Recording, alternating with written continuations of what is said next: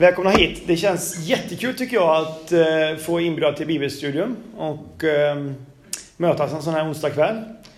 Jag eh, insåg när jag började jobba med texten här och har gjort en tid att eh, försöka sig på de här 14 kapitlen på en bibelstudiekväll. Det är ju en fullständig omöjlighet.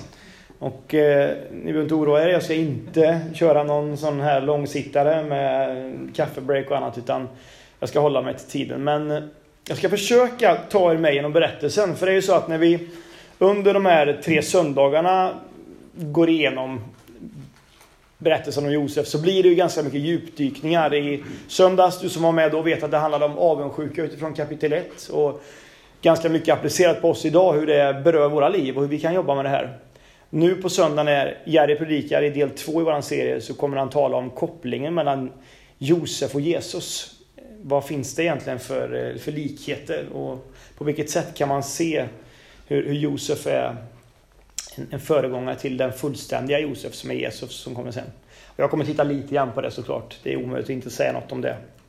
Och sen då den tredje söndagen är ju en helg som vi satsar på där Jeanette Alfredsson kommer på lördagen och har en förmiddag med oss om sin uppväxt egentligen.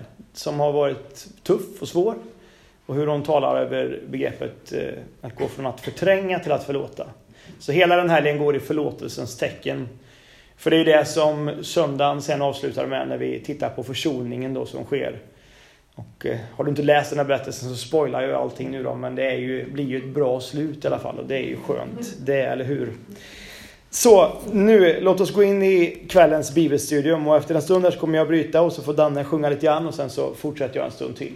Men det är alltså här vi rör oss utifrån den här rubriken och eh, Första Mosebok 37 50.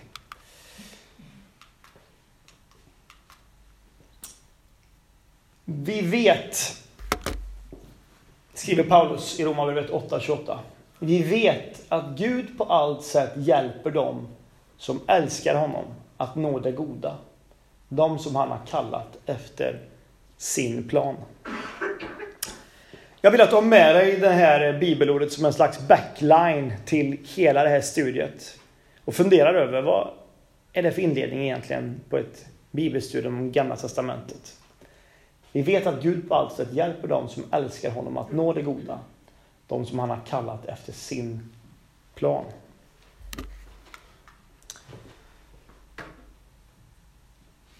Låt oss börja med en tillbakablick i den historiska kontexten.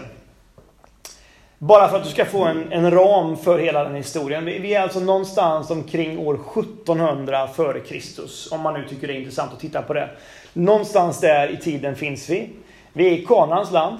Det är också Abrahams och Isaks land. Det här är ju alldeles i vaggan av den judiska berättelsen och det som också har blivit den kristna berättelsen. Vi rör oss kring berättelsen om Jakobs tolv söner. Och det här är ju en utgångspunkt för hela Israel som nation. Tolv stammar som hela egendomsfolket vilar på.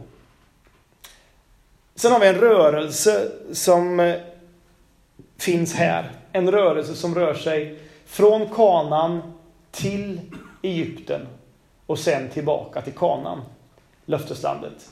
Det är en, en, en rörelse som sker någonstans 430 år i alla fall det Bibeln själv säger i Andra Mosebok. 430 år ungefär från det att folket kommer till Egypten tar det sedan innan folket blir befriat och får återvända tillbaks till Kanans land. Då. Men varför? är väl en ganska rimlig fråga att ställa sig. Jag menar, om de redan är i Kanans land, i löfteslandet, varför ska Gud plocka dem ut därifrån? Och sen tar de tillbaks 430 år senare. Varför flyttade Gud på sitt folk? Ja, när man tittar på det här så kan man väl säga att eh, för det första så skedde det hela helt enligt Guds egen plan och tanke. Vi går direkt in i texten här och tittar på kapitel 46. Och eh, vi kommer komma tillbaka till det lite senare för jag kommer gå igenom den här berättelsen kronologiskt. Men bara för att du ska få, få med dig det här från början. Från kapitel 46, vers 1-5 så står det så här. Israel, som också är ett, namn, ett annat namn på Jakob. Israel bröt nu upp med allt han ägde och kom till Ber-Sheva. Där offrade han slaktoffer åt sin far Isaks Gud. I en uppenbarelse om natten talade Gud till Israel. Jakob, Jakob. Han svarade, här är jag. Och Gud sa, jag är din Gud, din fars Gud. Var inte rädd att fara till Egypten, ty där ska jag göra dig till ett stort folk. Jag ska själv fara till Egypten tillsammans med dig, och jag ska själv föra dig därifrån. Och Josef ska bli den som sluter dina ögon. Så lämnade Jakob Bersheva. Här har vi garanten för att Jakob är på rätt väg. Det här är helt enligt Guds plan, säger Gud själv genom sitt ord. Han tar folket ut ur Kanans land. Den andra delen till varför Gud flyttar oss sitt folk är för att det är nödvändigt att skilja Jakobs söner från folket i Kanaan. Och detta därför att det var ett folk som levde helt utan Guds goda moral helt enkelt. Vi, vi vet ju att eh, med Gud så går det bra eh, ibland. Eh, vi har i alla fall bättre förutsättningar att klara oss. Men utan Gud och utan en moralisk kompass så kan man ju fråga sig hur blir det med, med världen? Hur blir det med, med verkligheten? Och i Kanans land som det var då så, så fanns det många, många svårigheter. Och eh, en av de här får vi titta på till exempel då i kapitel 38 som är ett av de första kapitlen som vi kommer till alldeles strax. Det är när, när Judas, den fjärde av sönerna, när han lämnar eh, sin familj för att, eh, ja, ta plats i Kanans land. Han träffar en, en kvinna och eh, så kommer berättelsen om Tamar som jag ska återkomma till alldeles strax. Men i den berättelsen så får vi se just hur folket som finns där är ett folk som, som också influerar Guds egendomsfolk. Och det är för att skydda dem som Gud plockar bort dem ifrån Kanans land. Det tredje vi kan säga är att det var nödvändigt för Israels identitet som nation. Alltså det var nödvändigt därför att det som skulle hända sen 430 år efter de har kommit till Egypten. Det är ju att Gud visar att han är en Gud med makt som älskar sitt folk. De har förökat sig, de har blivit många, de är talrika. Och nu har vi en, en farao på plats som inte längre är speciellt välvillig mot folket. Så det har blivit dags för Gud att, att rädda sitt folk genom den här exodusen som sker genom öknen. Och hela den berättelsen ligger ju till grund för hela den judiska religionen som sån. Det är ju den man går tillbaks till hela tiden och firar. Allting handlar om uttåget ur Egypten. Det är liksom hela navet för den judiska kyrkan. Och det har också blivit vårat nav. Alltså vi får inte glömma bort kopplingen. Det är vår historia. Vi har blivit inympade. Vi har blivit intagna av Gud till att tillhöra hans egendomsfolk. Så det var helt nödvändigt att de skulle få vara med om den här vägen från Kanaan till Egypten och tillbaka till Kanaan. Det var också nödvändigt i formandet av Israels tolv söner. Så Gud gör någonting med de här fyra, förlåt, ja, fyra fruarnas barn. De är tolv stycken söner som alla då får utgå som, som eh, stamfäder för hela släktet som ska komma. Och i processen att ta sig till Egypten, i det som sker, så formar Gud dem. Så hela den här delen är helt enligt Guds plan, det kan vi vara trygga i. En litterär kontext som också är viktig att ha med sig, det är ju den att eh, Isak, pappa till Jakob, fick ju två tvillingsöner. Och eh, det brukar man ju få när man får tvillingar, två stycken, eller hur? Och eh, en av dem heter Esau, den andra heter Jakob. Esau föds först, Jakob kommer sen. Och Jakob vill ju vara först och hela hans liv verkar ju präglas av en slags känsla av att skit också, jag var ju så nära. Han är inte riktigt nöjd. Han är inte nöjd. Och han blir inte nöjd, trots att han lurar till sig både förstfödslorätten och pappas välsignelse som går till den förstfödde sonen. Han är inte nöjd i alla fall. Han vill ha mer. Han, han får hjälp av mamma då att fly till, till, sin, till hennes bror, till morbror Laban. Och när han kommer till Laban så blir han förälskad i, inte den äldsta dottern, utan den yngre dottern som heter Rakel. Och han vill ju ha henne. Och eh, de kommer överens att om du jobbar i sju år, då ska hon bli din. Men det blir inte riktigt så som han har tänkt sig. För när, när han vaknar på bröllopsnattsmorgonen sen där och tittar på vem det är som snusar på hans arm så är det ju inte Rakel utan det är Lea. Ögon utan glans, står det i Bibeln. Och det kändes nog sådär. Lite snopet. Hur kunde det gå till? Hur kunde det bli så? Ja, den eh, diskussionen ska vi inte ta ikväll. Men eh, han är fantastiskt kär i Rakel och han går till Laban och han, han kräver att få henne också. Då säger, de, säger Laban att om du jobbar i sju år till blir hon din.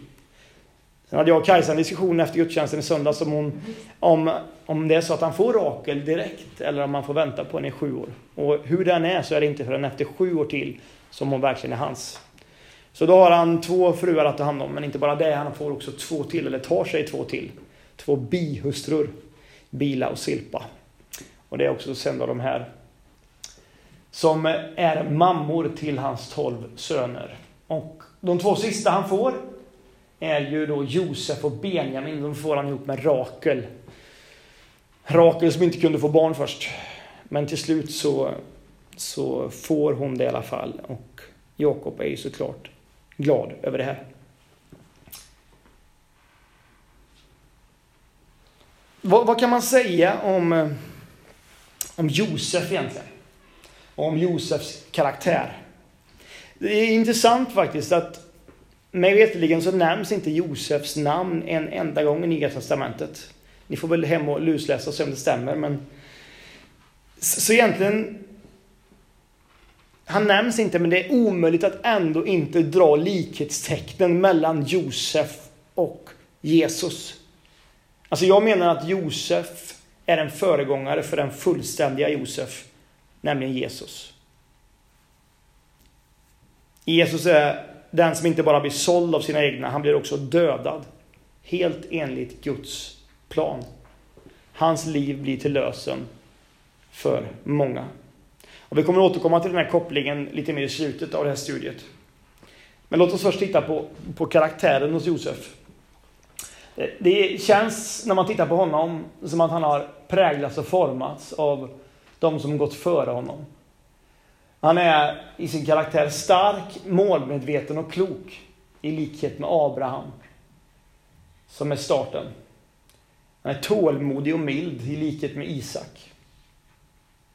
Han är varmhjärtad och öm i likhet med Jakob. Och du hör när vi läser detta så låter det nästan som kärlekens lov i Korintsebrevet. När vi talar om hur kärleken är och det man skulle kunna byta ut och säga att Jesus är, vadå? Stark, målmedveten och klok. Tålmodig och mild. Varmhjärtad och öm. Spännande att se. Josef verkar vara det bästa av sina förfäder.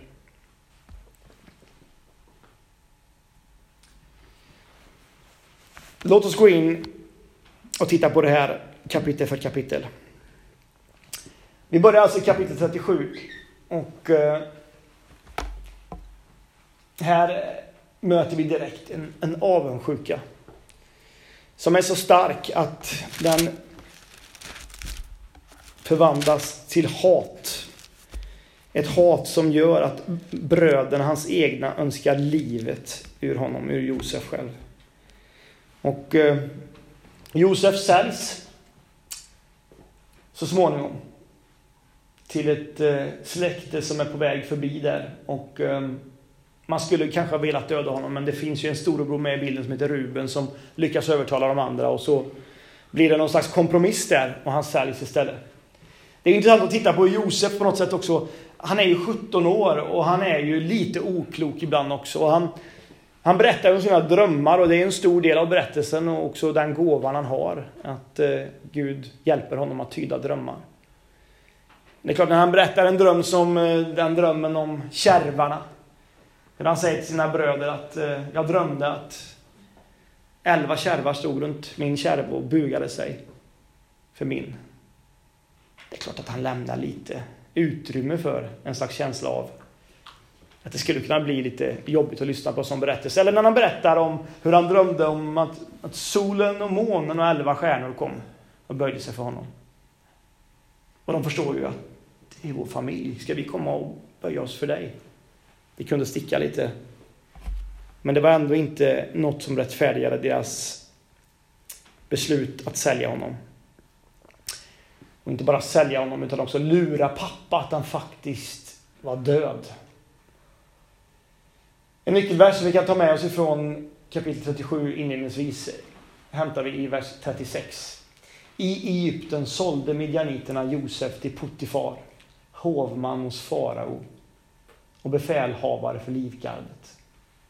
Man skulle kunna tänka, tänk vilken tur att det var just till Puttifar som han såldes. Men vi tror ju inte på tur just nu. I alla fall inte när vi läser det här bibelstudiet.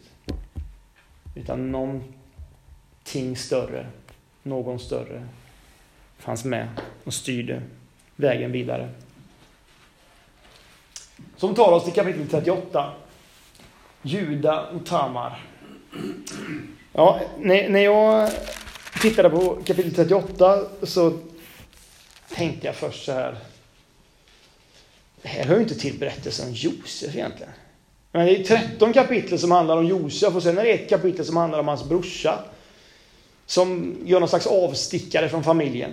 Som eh, lämnar sin uppväxtplats och ger sig ut på eget stråt. Och det är visserligen en berättelse som är ganska magstark egentligen.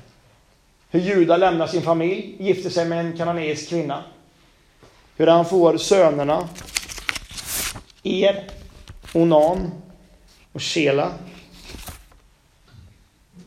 Och eh, Er gifter sig med en kvinna som heter Tamar då. Tamar, hur man nu väljer att uttala det. Och det berättas om denna Er, att han är en så ond människa att Gud väljer att ta livet av honom.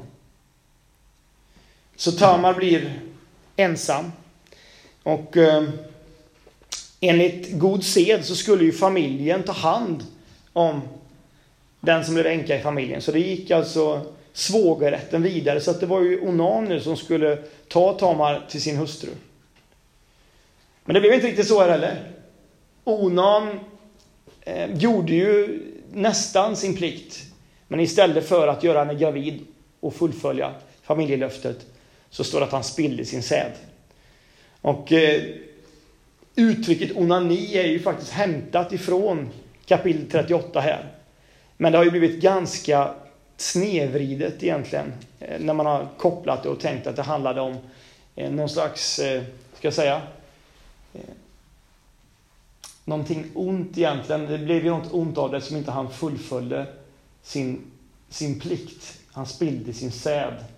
Men det var ju inte en självtillfredsställelse på det sättet, utan det var ju faktiskt i ett samlag som inte fullbordades. Så hur Tom Tamar kände sig i det läget, det vet vi inte. Men hon kände sig säkerligen utnyttjad.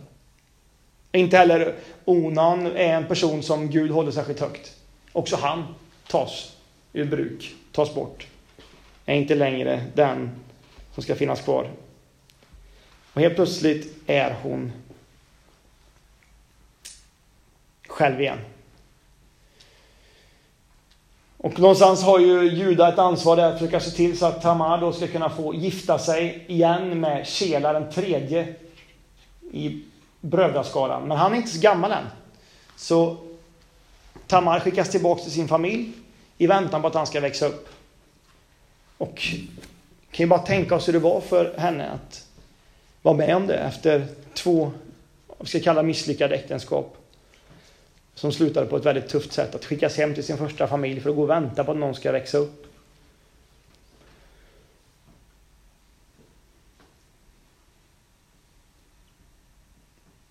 Så händer ju det. Att Juda själv, Judas själv, blir enkeman. Och eh, då ser Tamar sin chans. Jag skulle inte säga att det är till hämnd, men till någon slags upprättelse, till någon slags värdighet. Hon har blivit bollad runt i familjen på ett sätt som säkerligen har tagit hennes självkänsla totalt. Och eh, hon väljer berättar texten att spinka upp sig, att gå och eh, sätta sig utanför templet. Som en tempelkvinna står det. Och det innebär att hon är där för att om möjligt då kunna sälja sig själv. Och hon har en plan. För när Juda kommer och går förbi så ser han henne och lockas. Och han vill vara med henne. Och hon säger ju inte vem hon är. Och när det kommer till betalningen så ser hon ju till att det kostar en killing men du får lämna kvar någonting så länge. Sil. Du får lämna kvar snodden och staven så att jag vet att du kommer tillbaka och betalar sen. Så ligger han med henne. Och hon har kvar de här sakerna. Och så läser vi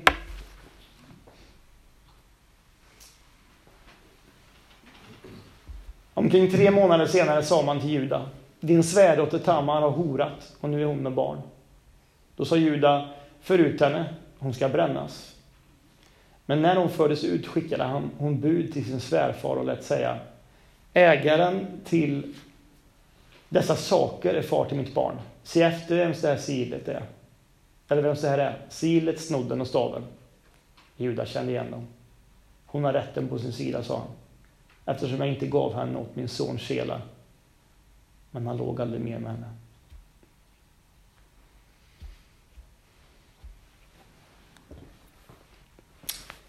Vad är poängen med den här berättelsen? Alltså varför finns den här med överhuvudtaget?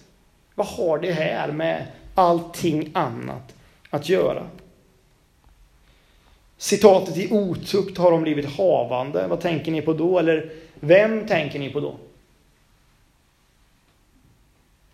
Finns det någon annan kvinna i historien som fick utstå ett sånt uttryck någon gång? I otukt har de blivit havande. Många år senare skulle en ung kvinna som heter Maria få höra just det. I otukt har du blivit havande. Josef är ju inte pappa. Eller är han det? Och ni har legat utan att vara gifta. Låt oss kika på berättelsen en gång till.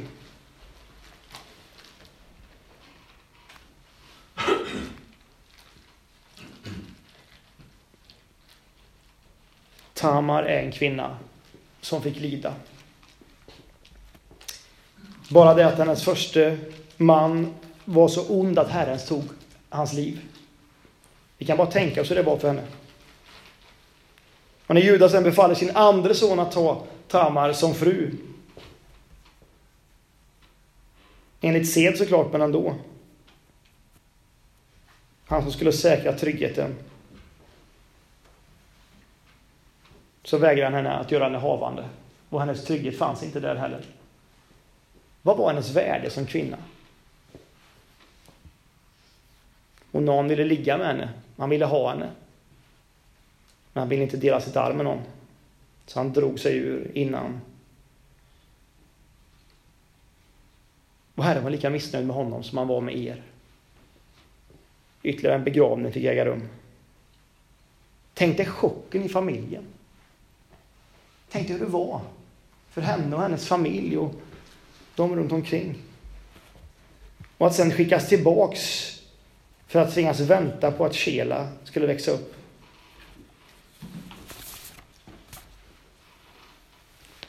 Hon var försatt i en svår situation. När det sen ändå blir så att hon blir havande så är det med sin egen svärfar.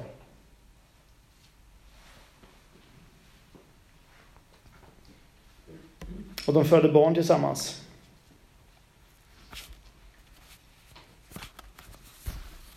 Och en av de två, Peres. Vem är han? Vem är han i berättelsen?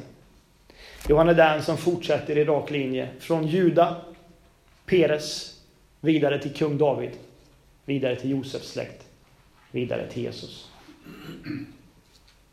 Alltså, Gud är så mycket större än allt vad vi kan tänka. Att Tamar finns med i släkttavlan kan nog ses som ett bevis på att Gud inkluderar vilka han vill i, sitt underbara, i sin underbara frälsningsplan. Han går utanför ramarna. Han är en inkluderande Gud. Han låter Tamar få finnas med i berättelsen. Men det är inte hon som ska prisas. Det är först och främst Gud som ska det. Men en liten modig kvinna vågade kliva utanför sin bekvämlighet. Det är en svår berättelse, en stark berättelse. Och vi kommer vidare till Juda om en liten, liten stund. Danne, sjung en sång. Eller två. Det inte i Bibeln.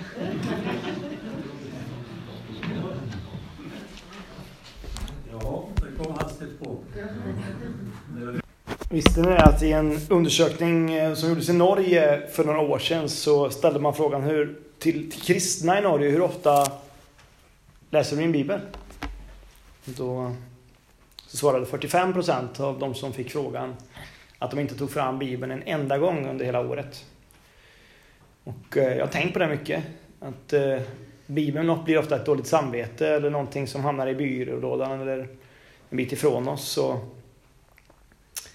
jag tror bland de bästa sätten att få igång läsandet i vår tid, det är ju att kunna göra som ikväll på något sätt, att sätta texten nära oss och se hur det angår oss idag. Att det är spännande, att vi får till en vardaglig läsning. Och jag vill bara säga det som ett tips här i, i kvällen här, att det finns ju bibelstudieplaner att ta med sig. Vi har läsning för varje dag. Och ta gärna med det. Det är inte så många verser, men det är en hjälp och en chans till personlig bibelläsning.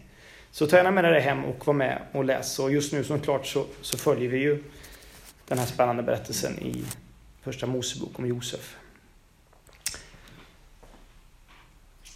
Efter sången om Dan så kommer ju kapitel 39, det visste ni väl? Va? Och eh, i kapitel 39 så hamnar vi direkt in i ett skeende där Josef har hamnat hos Potifar. Och eh, Nyckelversen för mig blir väldigt, väldigt tydlig väldigt, väldigt tidigt. Vi läser att Josef var välväxt och vacker.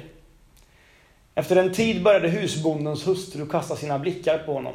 Ligg med mig, sa hon. Men Josef avvisade henne och sa Min husbonde har lämnat alla bekymmer i huset åt mig och anförtrott allt han äger i min vård. Här i huset har han inte mer att säga till om än jag. Han nekar mig ingenting, utom dig eftersom du är hans hustru. Hur skulle jag då kunna handla så illa och synda mot Gud? Och fast att hon dag ut och dag in försökt övertala honom, lyssnade han inte på henne och han ville inte ligga med henne och vara henne nära. Josef är en man som vägrar kompromissa med rätten. Han är inte rädd först och främst vad Potifar ska säga.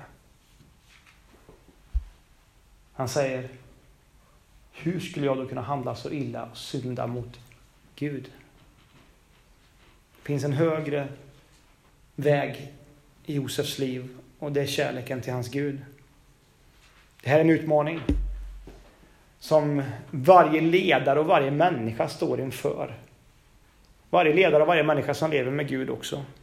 Att göra det som är rätt. Oavsett vad det kostar. Och bara i den gamla testamentliga berättelsen så ser vi gång på gång hur Gud lyfter fram just det här. I berättelsen om Daniel som hotas med att kastas i lejongropen. Om inte han slutar tillbe sin Gud. Men han vägrar ge upp det som är rätt. Eller berättelsen om David som frågar, är det ingen som ska gå upp mot honom där borta? Han som står och hädar och bara hånar våran Gud. Han Goliat där. Är det ingen som vågar strida mot honom? Jag ska göra det då. Han kan inte sätta på rustningen ens, den passar inte honom. Men han går i Guds namn. Han går med rätten på sin sida. Och kanske en av de häftigaste berättelserna för mig är berättelsen om Ester.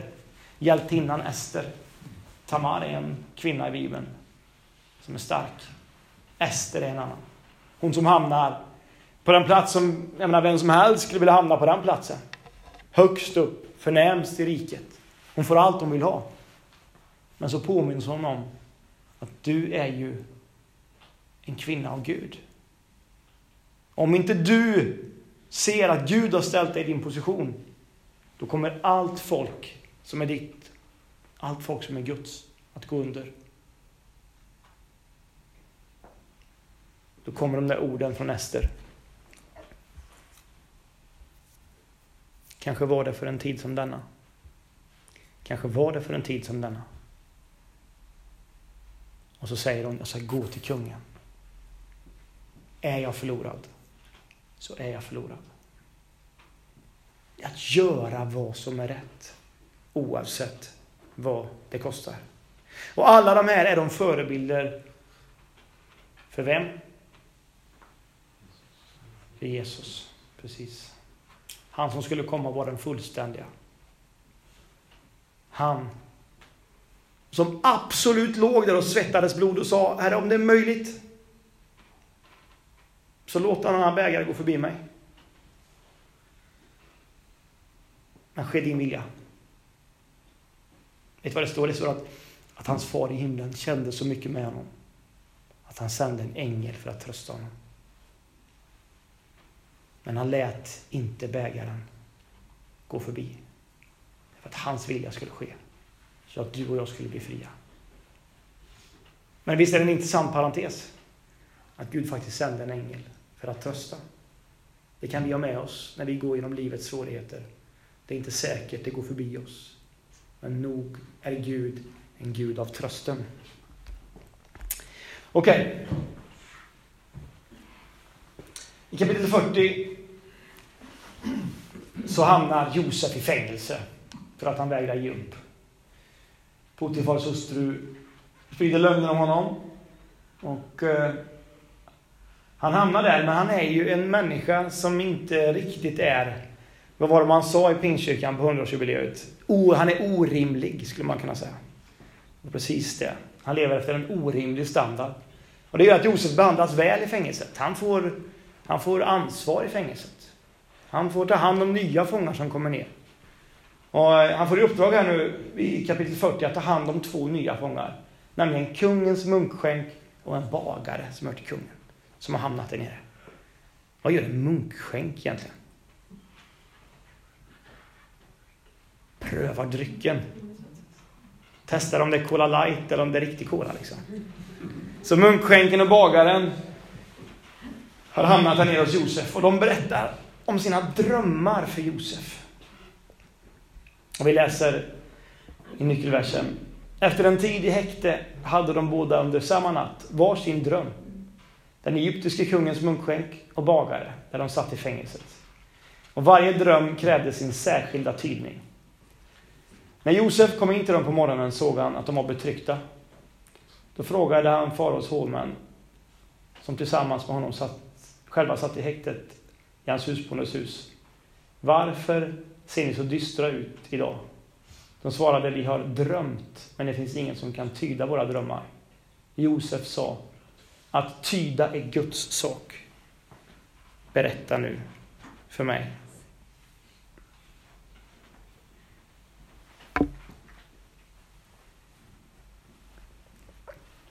Josef pekar återigen på Gud. Så många gånger vi kan peka på oss själva. Josef pekar på Gud. Han säger det, det är Guds sak att tyda. Berätta för mig. Så ska jag be Gud hjälpa oss att tyda. Och så berättar om och så tyder han. Jag undrar hur lätt det var eller svårt det var för Josef att tyda de här drömmarna och berätta det Gud sa till honom. Den ena personen skulle få upprättelse och den andra skulle få precis raka motsatsen. Att göra det som är rätt återigen. Josef var en man av Gud.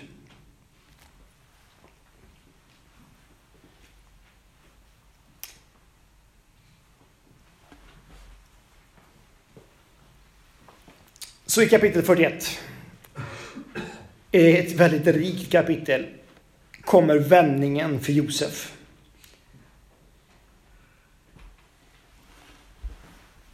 Den av de två som fick ett gott svar från Gud och hamnade återigen på rätt ställe uppe hos den höga makten i Egypten. Han kommer att tänka så så småningom på Josef. Inte i början, för eh, han har mycket annat att vara glad för. Men Farao har lite problem att sova och han drömmer och han, det finns ingen som kan hjälpa honom med drömmarna. Till slut så kommer han på det den här att, ja men jag träffar ju en, en man i fängelset. Han hjälpte mig. Ja, ta upp honom, säger han. Ta upp honom, så får han chansen.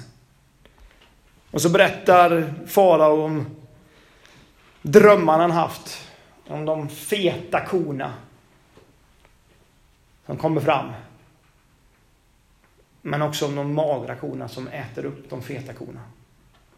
Vad, vad är det här? Och Josef förklarar. Det här är en förutsägelse om framtiden. Det kommer komma sju goda år först. Då skörden kommer vara rik. Allt kommer vara i överflöd. Men efter sju goda år kommer sju svåra år. Det kommer vara svår hungersnöd. Folket kommer lida.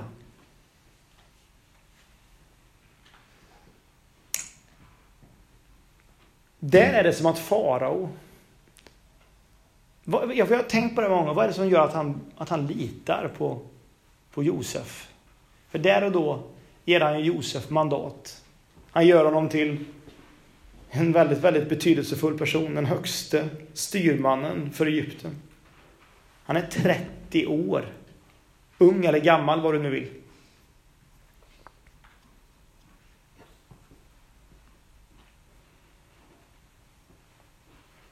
Vad är det som gör att farao litar på honom?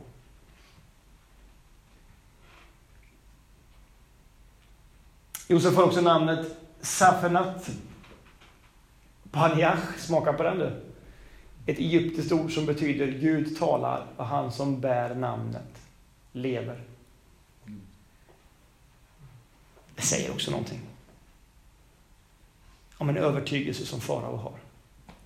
Här är han som Gud talar till och han lever. Kanske mot alla odds egentligen. Så får Josef Asenat som hustru. Hon är dotter till prästen i On. Och tillsammans får de sönerna Manasse och Efraim. Efter sju underbara år av överflöd så kommer hungersnöden. Men eftersom farao har gjort det som är rätt och utsett Josef till sin styrman så är läget ganska mycket under kontroll. Och vi läser att från hela jorden kom han till Egypten för att köpa säd av Josef. Ty det var svår hungersnöd överallt. Josef är rätt person, på rätt position, i rätt situation. Och jag tror fortfarande inte på slumpen i det här bibelstudiet.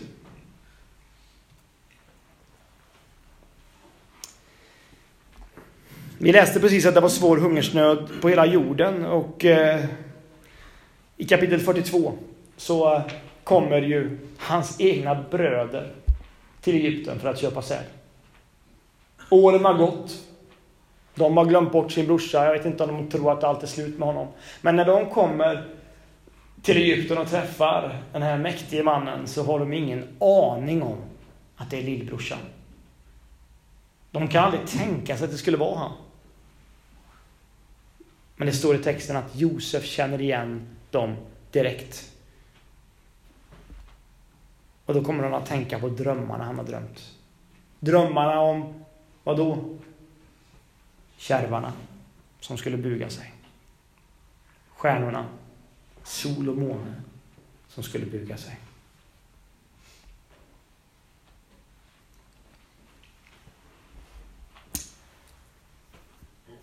Josef han, han är väldigt intresserad av familjen och hur det har gått. Och han, eh, han gör sig en ursäkt för att kunna behålla en av bröderna, Simon, i förvar. Han, han säger, ni kanske är spioner här, som är här och spionerar från Kanas land. Hur kan jag vara säker på att ni är på riktigt? Jag behåller Simon i förvar och så får ni åka hem med säga till familjen, men jag vill att ni plockar med er yngsta bror, han som inte är med här. För om det nu finns en yngre bror som ni säger, då vill jag se honom. Jag vill se Benjamin. Jag tror han säger egentligen, jag längtar efter Benjamin. Han var den enda som inte sålde ut sin bror. Det finns en ren broderskärlek där.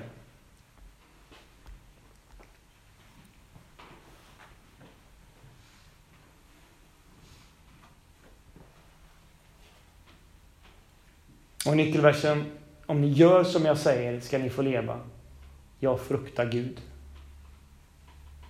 Om ni gör som jag säger ska ni få leva. Jag fruktar Gud.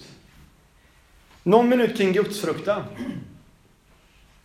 Inte om vi, det är inget vi pratar om så ofta kanske. Nu, nu blir det lite så här obekvämt. Men jag tänker, kan ni inte bara vända er till den ni sitter bredvid och prata lite grann om ordet gudsfruktan? Vad tänker ni kring det egentligen? Vad lägger du i ordet gudsfruktan? Och fruktar du själv Gud? Ja eller nej? Fruktar du människor mer? Bara två minuter om ni sitter, varsågoda. Kapitel 43. När eh, bröderna kommer tillbaks till pappa och eh, Simon inte är med. Och de berättar om den här befälhavaren i Egypten som kräver att Benjamin, den yngste sonen, ska tas med tillbaka. Då blir pappan förskräckt. Han vägrar att gå med på det. Nu har han förlorat en. Han säger kanske inte rakt ut av dem jag älskar mest. Men det var egentligen så det var. Det var ju hans söner med Rakel. Benjamin är mig så kär. Han får inte försvinna. Ni får inte ta med honom tillbaka. Och det går en tid, men hungersnöden fortsätter. Du kommer ihåg, det skulle vara i sju år. Till slut så har han inget val. Ska de överleva? Ska egendomen och folket överleva? Då måste han få tag på mat.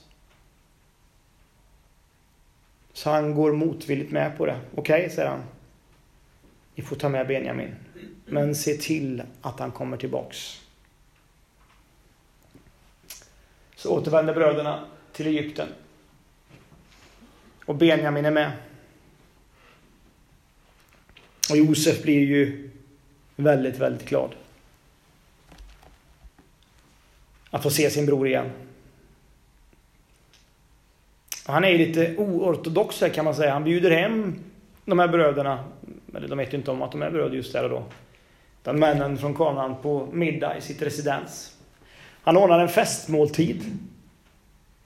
Och han, han låter till och med de här männen sitta vid sitt eget bord. Vilket inte var brukligt egentligen. Att som egypter sitta med en hebré, det var rent ut sagt fel. Nu var ju inte Josef egypter egentligen. Och han kunde gå utanför. Det var ett sätt att visa kärleken till dem. Så det är egentligen bara Josef och bröderna runt bordet. Man har ställt upp dem i ordning, står det i texten. De sitter i ordning, på rad. Ruben först, och så ner till Benjamin. Vilken middag! Han vet. De vet ingenting.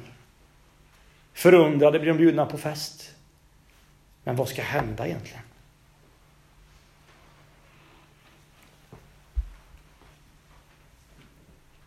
I vers 9 läser vi när han fick se sin bror Benjamin, sin mors son, frågade han.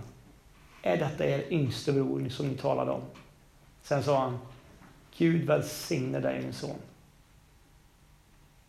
Och Josef skyndade ut eftersom kärleken till brodern överväldigade honom. Han var nära att brista i gråt och han gick in i ett annat rum och grät.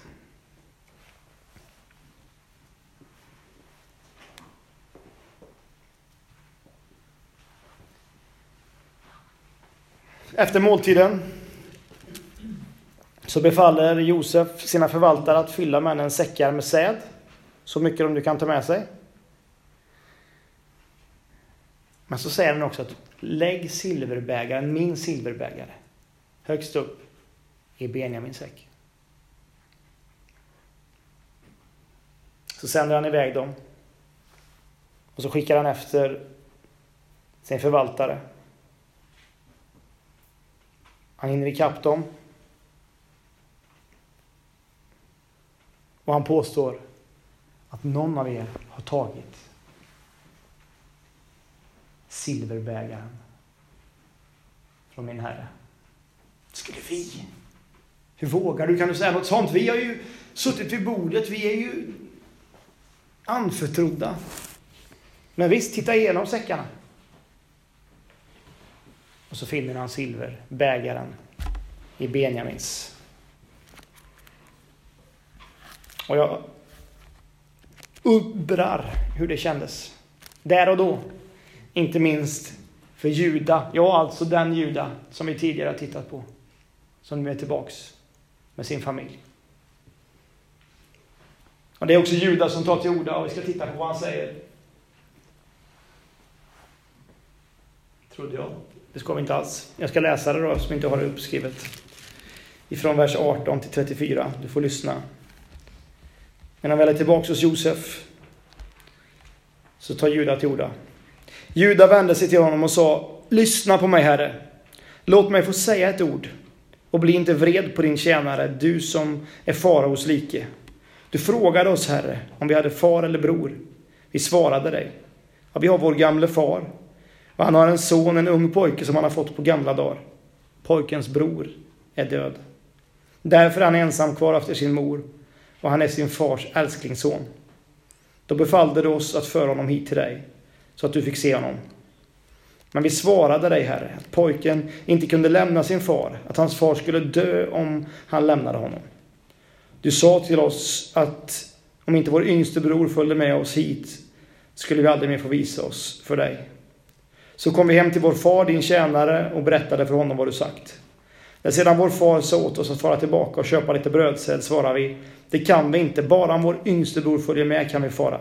Vi får inte visa oss för mannen om inte vår yngste bror är med. Då sa vår far, ni vet ju att min hustru födde mig två söner. Den ene försvann ifrån mig och jag förstod att han var ihjäldriven. Jag har inte sett honom mer. Om ni tar också den här sonen ifrån mig och det händer honom en olycka, då driver ni er gamle far med smärta ner i dödsriket. Om jag kommer hem till min far och vi inte har med oss pojken, som han är så fäst vid, och han ser att pojken inte är med, då blir det hans död. Vi skulle driva vår gamle far, din tjänare, med sorg ner i dödsriket. Herre, jag har lovat min far att ta ansvar för pojken. Jag har sagt att om jag inte har med mig honom tillbaka så ska jag stå som en brottsling inför min far i alla mina dagar. Därför ber jag dig, Herre, om du låter mig stanna som slav hos dig istället för pojken, så att han skulle få fara hem tillsammans med sina bröder. Hur skulle jag kunna fara tillbaka till min far utan att ha pojken med mig? Förskona mig från att se den smärta det skulle vålla min far. Mm.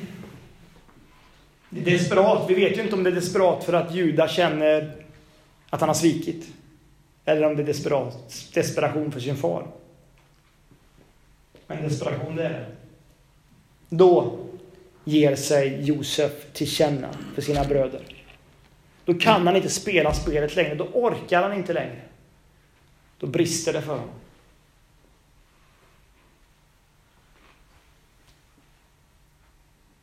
Han säger i vers 3. Jag är Josef. Lever min far. Hans bröder kunde inte svara honom, så förskräckta blev de. Då sa Josef till bröderna, kom fram hit. Och de kom fram till honom och Josef sa, jag är Josef, er bror. Ni, ni sålde mig till Egypten. Men var inte bedrövade för att ni sålde mig hit och förebrå er ingenting. Det var för att rädda liv som Gud skickade mig hit före er. I två år har det nu varit hungersnöd i landet och det kommer fem år till då man varken ska plöja eller skörda. Gud skickade mig före er för att trygga er fortlevnad på jorden och för att bevara er vid liv och rädda många. Det var alltså inte ni som skickade mig hit, utan Gud. Han har gjort mig till faraos främste rådgivare, till ledare för hela hans förvaltning och till styrsman över hela Egypten. Minns du vart vi började någonstans? När vi tittade på varför Gud valde att ta folket från Kanaan till Egypten. Mm. Det var för att rädda liv som Gud skickade mig för er hit. Det var för att trygga er fortlevnad på jorden. För att bevara er vid liv och för att rädda många. Efter den här omvälvande berättelsen och händelsen så återvände bröderna till sin far Jakob. Med uppdraget från Josef att hämta med sig hela familjen. Ta med hela familjen nu. Hämta pappa nu. Ta med alla hit. Vad ska de säga? Vad ska de göra? Vad känner de? Man skulle vilja titta man skulle vilja sitta där och bara, bara få vara en liten fluga en liten stund. Vad mycket känslor! Ska man känna skuld eller skam? Ska man, ska man vara glad? Ska man vara ledsen? Ska man, vad ska man säga till pappa? Hur ska vi bete oss? Vi får ju inte allt här. Men vi får en del.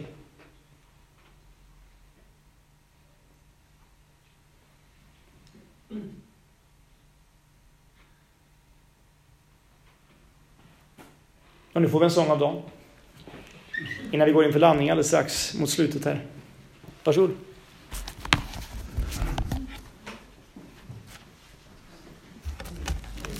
Micken. Ja, ja, micken ja. Nu var det min tur. Micken.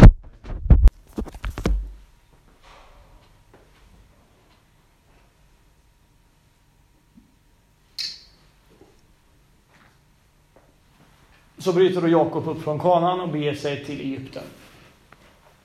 Och eh, här får han möta Gud i en uppenbarelse om natten. Det var den vi tittade på inledningsvis, där Gud talar lugnande ord om framtiden och säger att lugn, det är jag. Det här är enligt min plan. Jag har koll på läget. Och här i kapitel 46 så får vi också släkttavlan uppräknad. Det är lite spännande, jag vet inte om ni brukar läsa släkttavlor.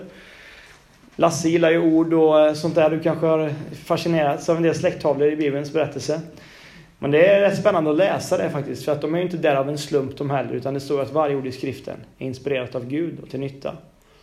Och när man läser skrift, släkttavlorna så kan man ju se hur ordningsföljden, hur Gud har utvalt, hur Gud har kallat, hur Guds folk ser ut. Och eh, här räknas 70 personer upp. Vilka är de här 70 personerna? Vilka är de 70 personerna som räknas upp? Det är ju såklart Jakobs släkt, men än mer, det är löftesfolket. Det är Guds utvalda folk. Jag tror inte det var en slump att det satt 70 personer i den ledande ställningen i Sanhedrin i det judiska samhället. Var kom det ifrån? Det var 70 från början. I löftesfolket. När de kom till Egypten.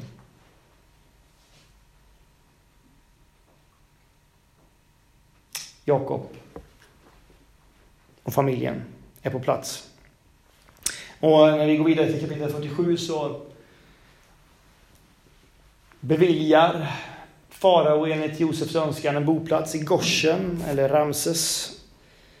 Egyptens bästa område, där familjen får bo. Parallellt med det här så, så når hungersnöden sitt klimax. Josef råder. Och när människor kommer så så ber han dem först att sälja allt sitt boskap för säden. Och till slut, när de också har gjort det, så, så säger han nu får ni sälja er egendom för sädens skull. Ni får vara ett folk som... Man kanske skulle kunna tala om en skatte... Jag vet inte, är det, är det berättigat att säga det? En skattepolitik här, en femtedel. Vi vet ju att vi ska ge en tiondel till Herren. I alla fall en rekommendation som som funkar väldigt, väldigt bra fortfarande, att ge tionde. Men här får man ge en femtedel av det som odlas fram till farao. Folket är bara glada att överleva. Israeliterna bosatte sig alltså i Goshen i Egypten. Där skaffade de sig jord och de var fruktsamma och blev mycket talrika. Jakob levde 17 år i Egypten. Hans livstid blev 147 år. Han säger också på ett annat ställe att han blev inte särskilt gammal. Men det är ju med de årens mått mätt. Så att, ja. Vi har ju någon medlem som blir 99 nu, visst är det så? Mm.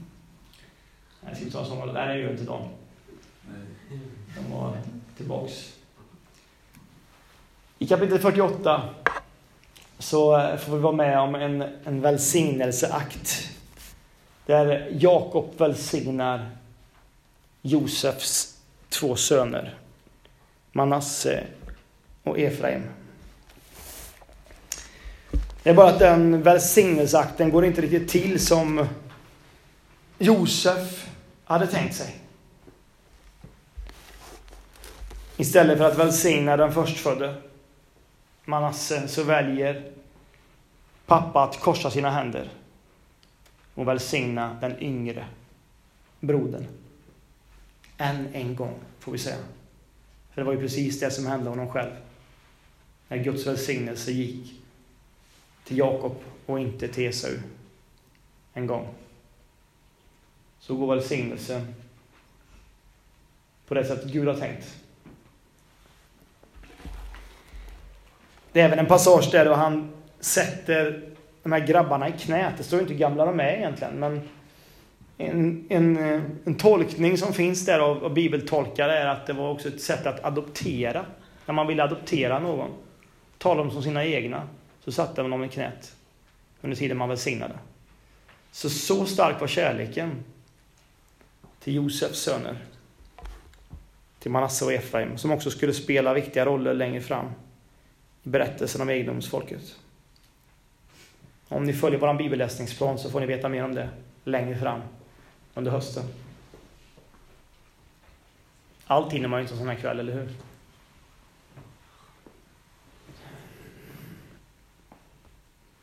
I kapitel 49, näst sista, så får vi möta en slags slutplädering. Där Jakob talar till sina söner. Hur han talar om tronföljden som har förändrats och hur han talar också profetiskt om det som ska komma. Och jag läser en bit in här. Lyssna. Jakob kallade till sig sina söner och sa Samlas här, jag vill förkunna vad som händer er i kommande dagar. Kom hit och lyssna. Jakobs söner, lyssna på Israel, er far.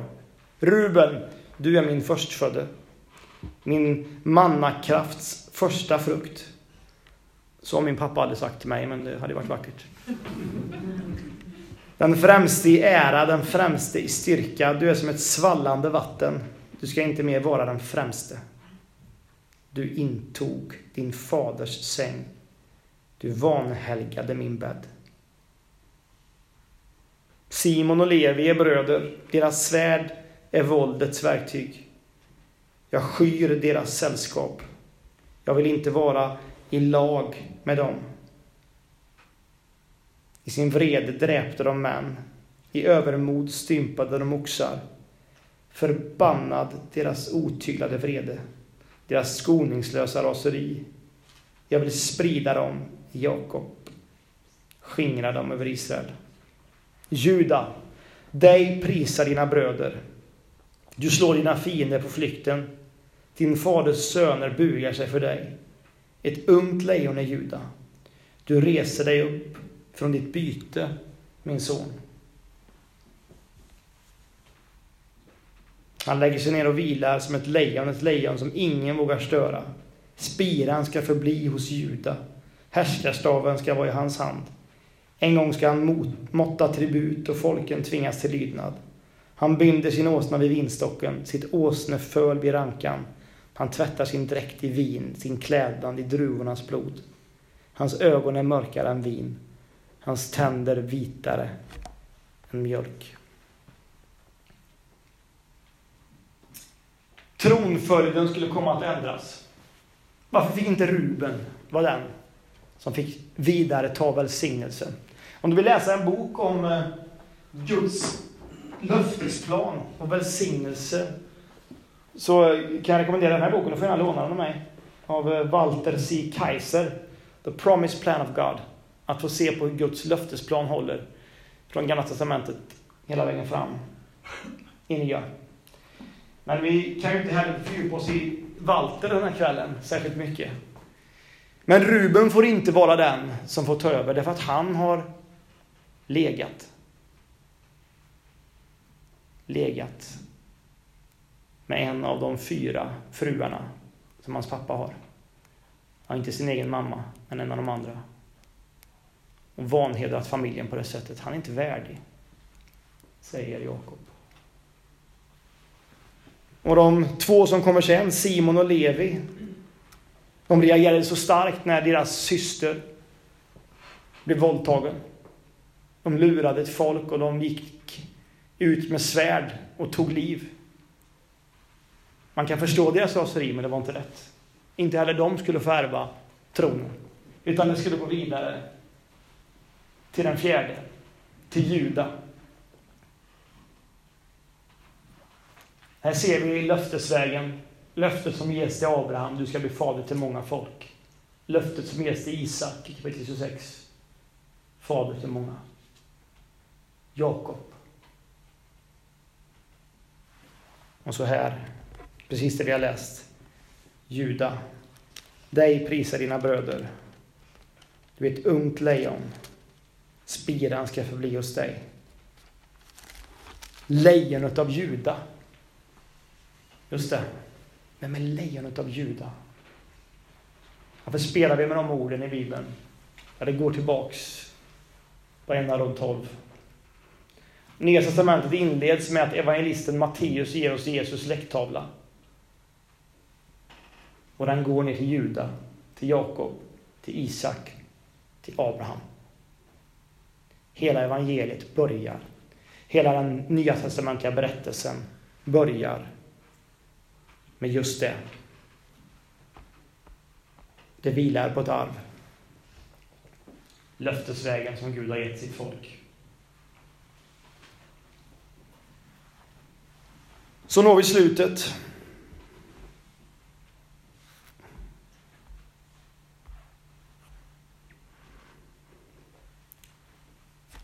Ett slut som också är slutet på pappa Jakobs liv. Och han får begravas i det förlovade landet enligt löftet från farao. Det blir ett eh, sorgetåg till Kanans land. Men det är klart att när pappa inte längre är där, då uppstår ju en viss mått av oro hos bröderna. Nu då? Nu är inte pappa här och kan vaka över det här längre. Är Josef verkligen så bra som han verkar vara? Det finns en oro. Och vi läser från vers 5. När Josefs bröder tänkte på att deras far var borta sa de, kanske Josef hyser agg till oss och vill ge igen för allt ont vi har gjort honom. Därför skickade de bud till Josef och lät säga, innan han dog bad din far att vi skulle säga till dig, vi ber dig förlåta oss, dina bröder, vår synd och skuld. Vi har gjort dig mycket ont, så förlåt oss, förlåt oss, din fars tjänare, den synd vi har begått. I dessa ord brast Josef i gråt. Sen kom också bröderna själva och föll ner inför honom och sa, vi är dina slavar. Men Josef sa till dem, var inte rädda. Jag är inte Gud. Ni ville mig ont, men Gud har vänt det till något gott. Han ville göra det som nu har skett och därigenom bevara många människors liv. Var inte rädda. Jag ska sörja för er och era barn. Så talade han lugnande och uppmuntrande till dem. Det finns så mycket Jesus i den här texten. Det går inte att sitta här som kristen och inte tänka på Jesus. Frestelsen som finns att ge tillbaks, att öppna sin mun. Men det finns en kraft som är starkare och det är förlåtelsens kraft. Och det är där i berättelsen om Josef slutar.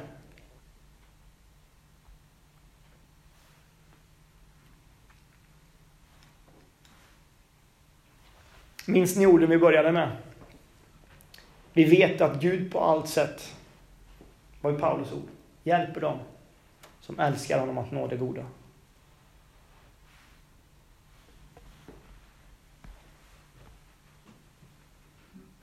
De som han har kallat efter sin plan. Det fanns en större plan, ett högre syfte.